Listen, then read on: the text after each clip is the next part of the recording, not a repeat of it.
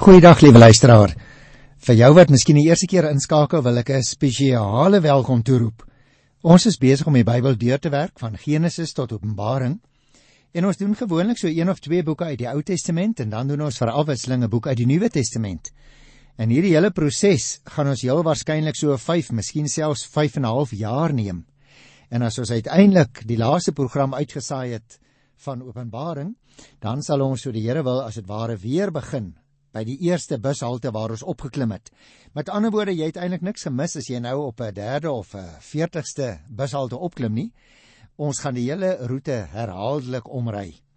Nou ons is nou vandag by die eerste boek van Kronieke. Daar is, sal jy onthou, 1 en 2 Kronieke in die Ou Testament. Nou wil ek 'n klompie algemene opmerkings maak ter inleiding en dadelik eers 'n interessante paar feite vir jou gee in verband met die boeke Kronieke. Die naam Kronieke is aan 'n ou historikus Hieronymus te danke wat eintlik gedink het dat hier liewer gepraat kan word van die kroniek van die hele heilige geskiedenis so het hy dit genoem in Latyn. Nou uh, een van ons kerkvaders Martin Luther het die naam kronieke dan oorgeneem van Hieronymus. Die verdeling van die twee boeke is ook 'n interessante storie, maar ek wil miskien net vir jou kortliks sê dat uh, die verdeling deur die LXX aangebring is en deur die Vulgaat oorgeneem is. Ten slotte is dit dan deur die Jode oorgeneem en vir die eerste keer in die jaar 1448, met ander woorde voor 1448 na Christus, was dit eintlik net een boek.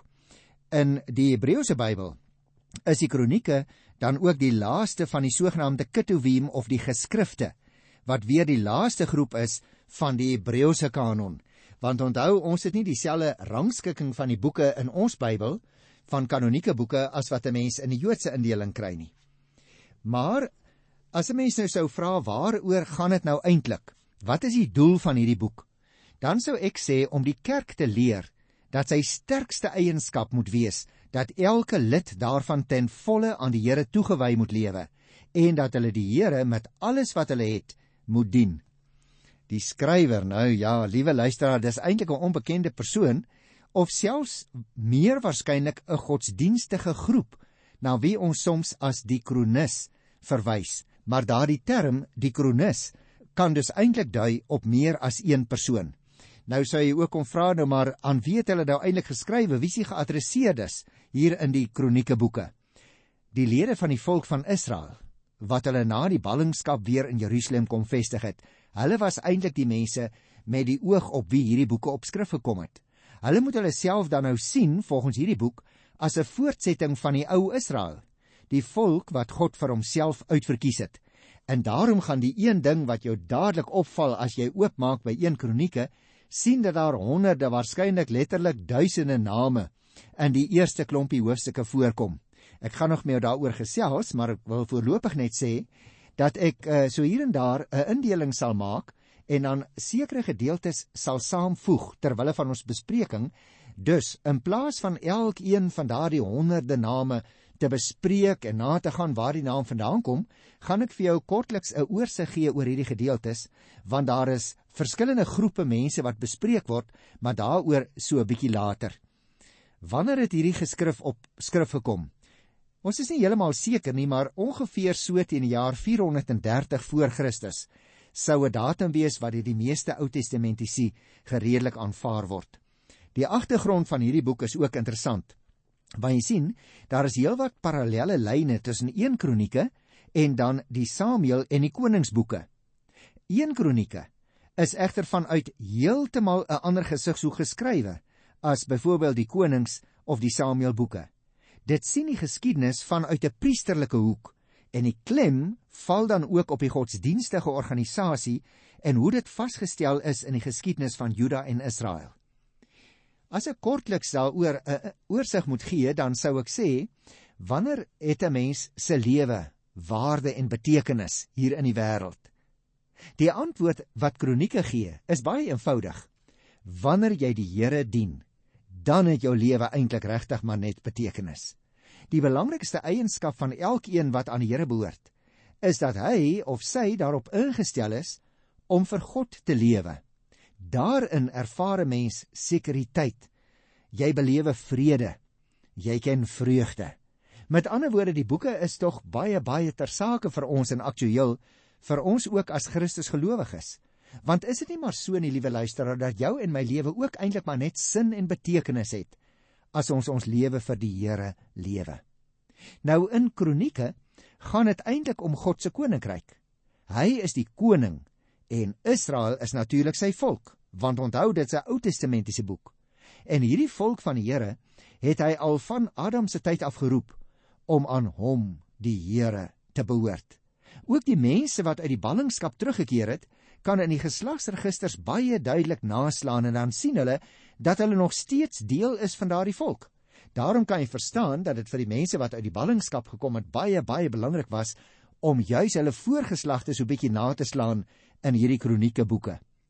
Nou natuurlik liewe luisteraar, soos altyd nog, was daardie mense ook geroep om God, die koning te dien.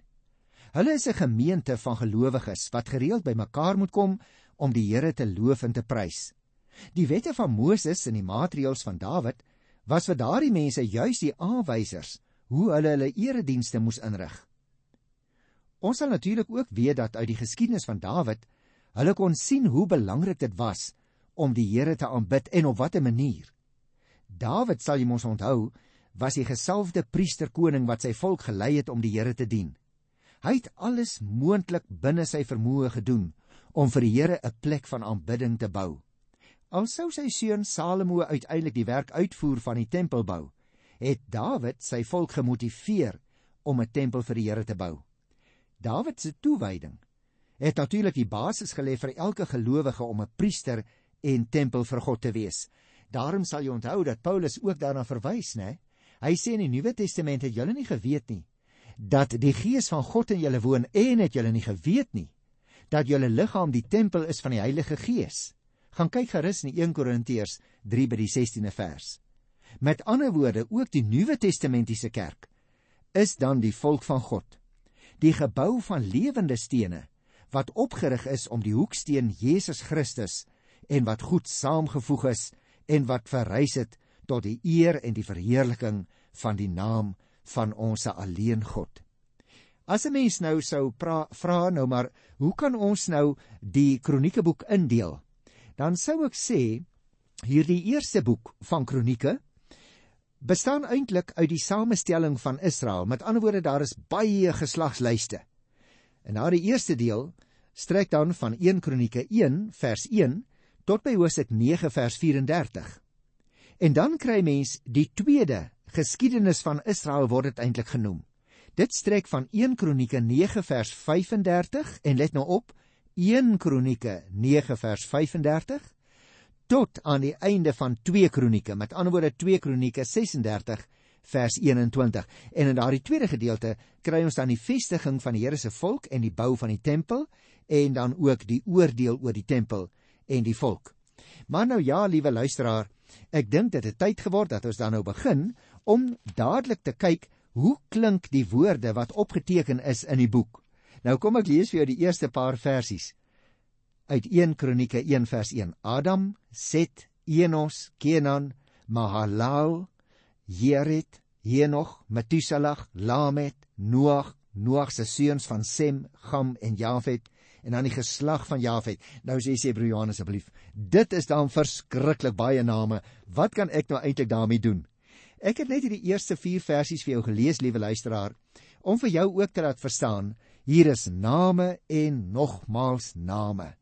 En daarom dink ek, ek hoop jy daarvoor waardering as ek vir jou sê, ek gaan hierdie duisende name die een na die ander vir jou lees nie. Ek gaan oorsigtelik deur hierdie gedeelte. En daarom, as 'n mens dan hierdie geslagsregister van Israel se voorsate begin bespreek, dink ek ons moet sê, uh, oor hoofs gaan dit hier van Hosea 1 vers 1 tot by 9:34. En die naamlyste wat ons hier kry, is eintlik opgawes van die inwoners van Jerusalem wat na die ballingskap na die stad Jerusalem toe teruggekeer het. En hierdie lyste wil vir hierdie mense wat nou teruggekeer het aantoon dat hulle nog steeds deel is van die volk van God wat die Here vir homself vanaf Adam se tyd af bymekaar gemaak het om aan hom die Here te behoort. Nou natuurlik, die naballingskap se gemeenskap moet deur hierdie lyste hulle self leer raak sien as die voortsetting van ou Israel. Hulle is met ander woorde van die uitverkore volk van God wat aan die Here toegewyd moet lewe, se nageslag. En tog, net soos jy en ek ook, maar ons wonder baie keer, hoe het ons nageslag gelyk? Hoe die pad geloop? En dit is wat in die kroniekboek baie duidelik na vore kom. Ek wil tog nog so in die algemeen ietsie sê oor spesifiek die geslagsregisters wat ons in die boek Kronieke kry. Ons moet onthou luisteraar, die geslagsregisters is nie net 'n lang lys van name sonder enige betekenis nie, maar dit gee ook vir 'n mens baie meer insig juis ten opsigte van die mense wat genoem word in daardie gedeeltes. Byvoorbeeld, in Hosea 2 vers 3 staan daar dat Er die Here mishaag het en dat God hom laat sterwe het. Van Akan byvoorbeeld word gesê dat hy hom aangematig het om te vat wat aan die Here gewy was en so het hy die dood oor Israel gebring. As jy wil gaan kyk, lees gerus die 7de versie van Hosea 2. Hulle is dus die faalkolle in die geskiedenis van Israel. Maar liewe luisteraar, hulle word nie uitgelaat wanneer die geslagsregister genoem word en opgeteken word nie, want hulle was werklik deel van daardie mense uit die voorgeslag. Maar nou kom ek noem jou 'n ander voorbeeld. Jabes daarenteen word onthou as die een wat God aangeroep het. Gaan kyk maar in Hosea 4 vers 9 en 10. Nou is dit vir my persoonlik baie betekenisvol dat vir sy gebed word hy juis onthou en nie vir die een of ander helde daad wat hy wat Jabes is verrig het nie. By sy geboorte het hy die naam Jabes ontvang. Die naam herinner tussen hakies aan die Hebreëse woord vir met smart. Nou liewe luisteraar, dit dui nie net daarop dat hy waarskynlik 'n moeilike geboorte vir sy ma was nie, maar dat die verwagting ook bestaan het dat hy wat Jabes is, sy hele lewe smart sal oplewer. Nou teen hierdie verwagting in het dit met Jabes goed gegaan, sê die Bybel vir ons in die paar sinnetjies wat oor hom vermeld word. Dit het met sy lewensingesteldheid te maak gehad. En wie dit sê vir my en vir jou ook weer iets. Dat die ingesteldheid, met ander woorde die manier waarop jy en ek na die wêreld kyk, die bril wat ons opsit, 'n positiewe een moet wees. Jabes het hom byvoorbeeld nie aan die verwagte rampspoed wat nou oor sy naam gehang word en in sy naam geïmpliseer word, hy het hom nie daarin oorgegee nie. Maar hy het telkens sy toevlug tot die Here geneem. Byvoorbeeld, in die kort gebed wat van Jabes aangeteken is, bid hy dat sy hele lewe in die Here se hand gestel sal word. Die Here het sy gebed verhoor en die Here het uiteindelik sy lewe op 'n besondere manier geseën. Die Here was by Jabes in alles wat hy gedoen het en het hom teen gevaar beskerm. Omdat Jabes erken het dat God die middelpunt van sy lewe was, het hy homself van sy broers onderskei en word in kronieke voorgehou as 'n voorbeeld van gelowige deur wie die Here die geslagte van Juda op 'n baie uitsonderlike manier geseën het.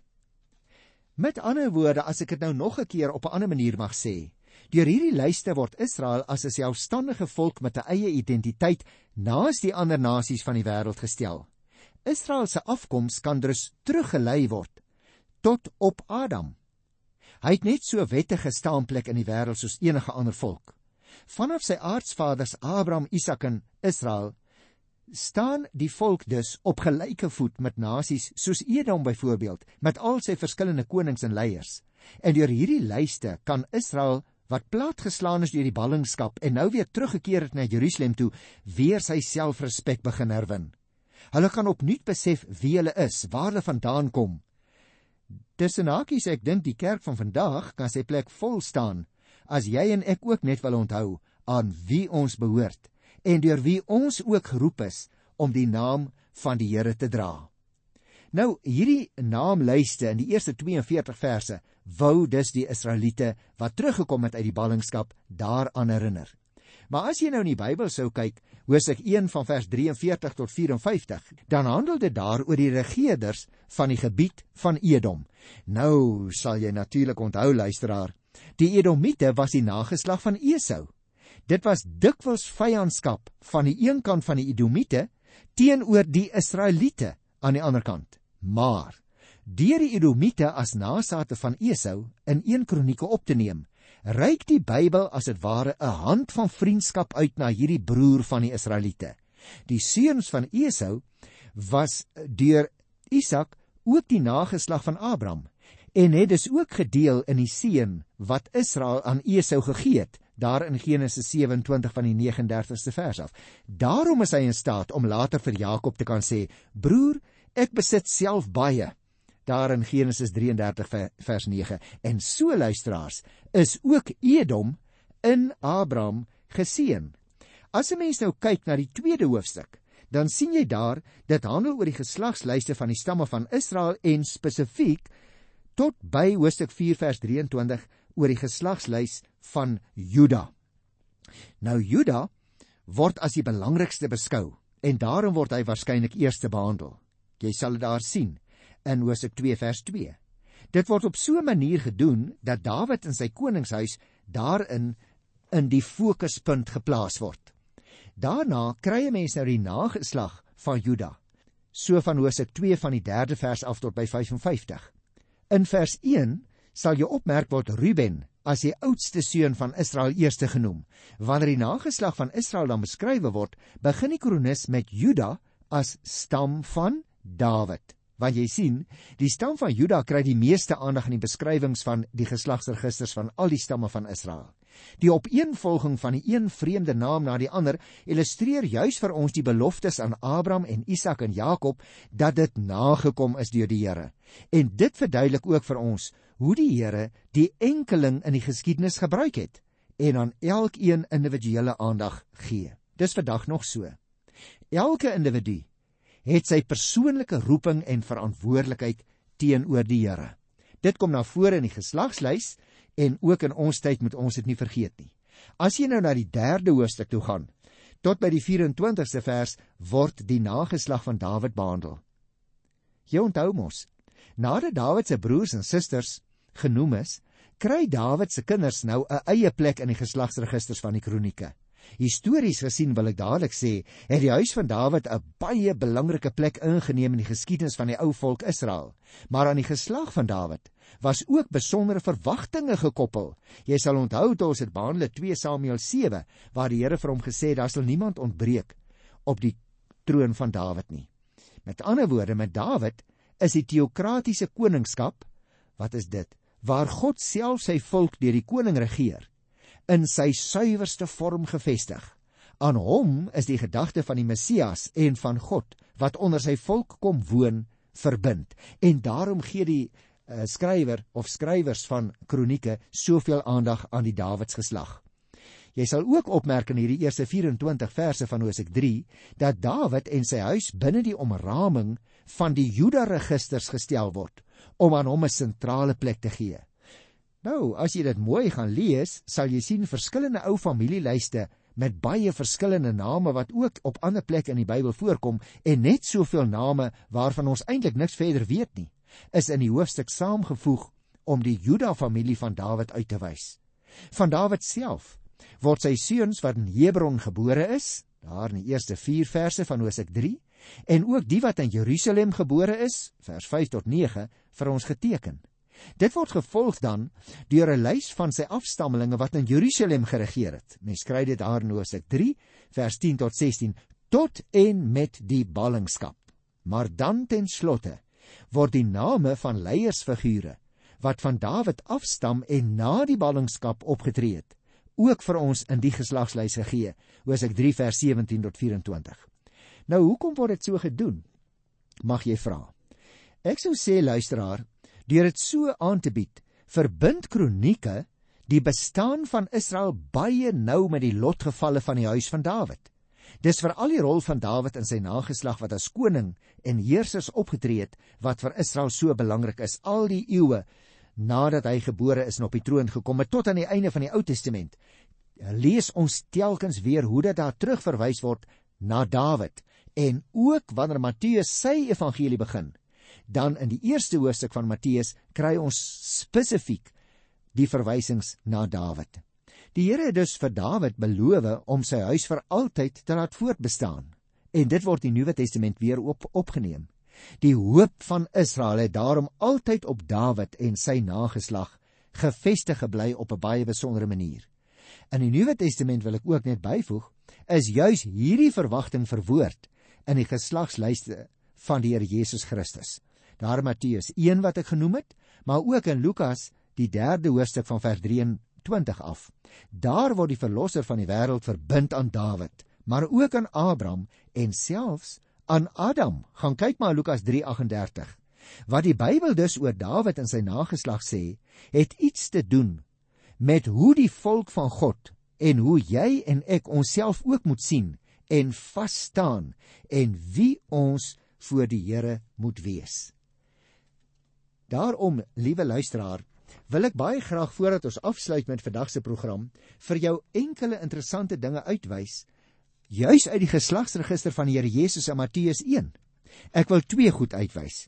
Die eerste is, het jy al ooit opgemerk, luisteraar, dat daar in die geslagslyster wat Matteus vir ons aangeteken het, en mens kry dit net by hom, vier dames genoem word, wat nogal vreemd is, né? Want in Bybelse tye was die man eintlik nou maar die ou wat die hoof is van 'n bepaalde geslag.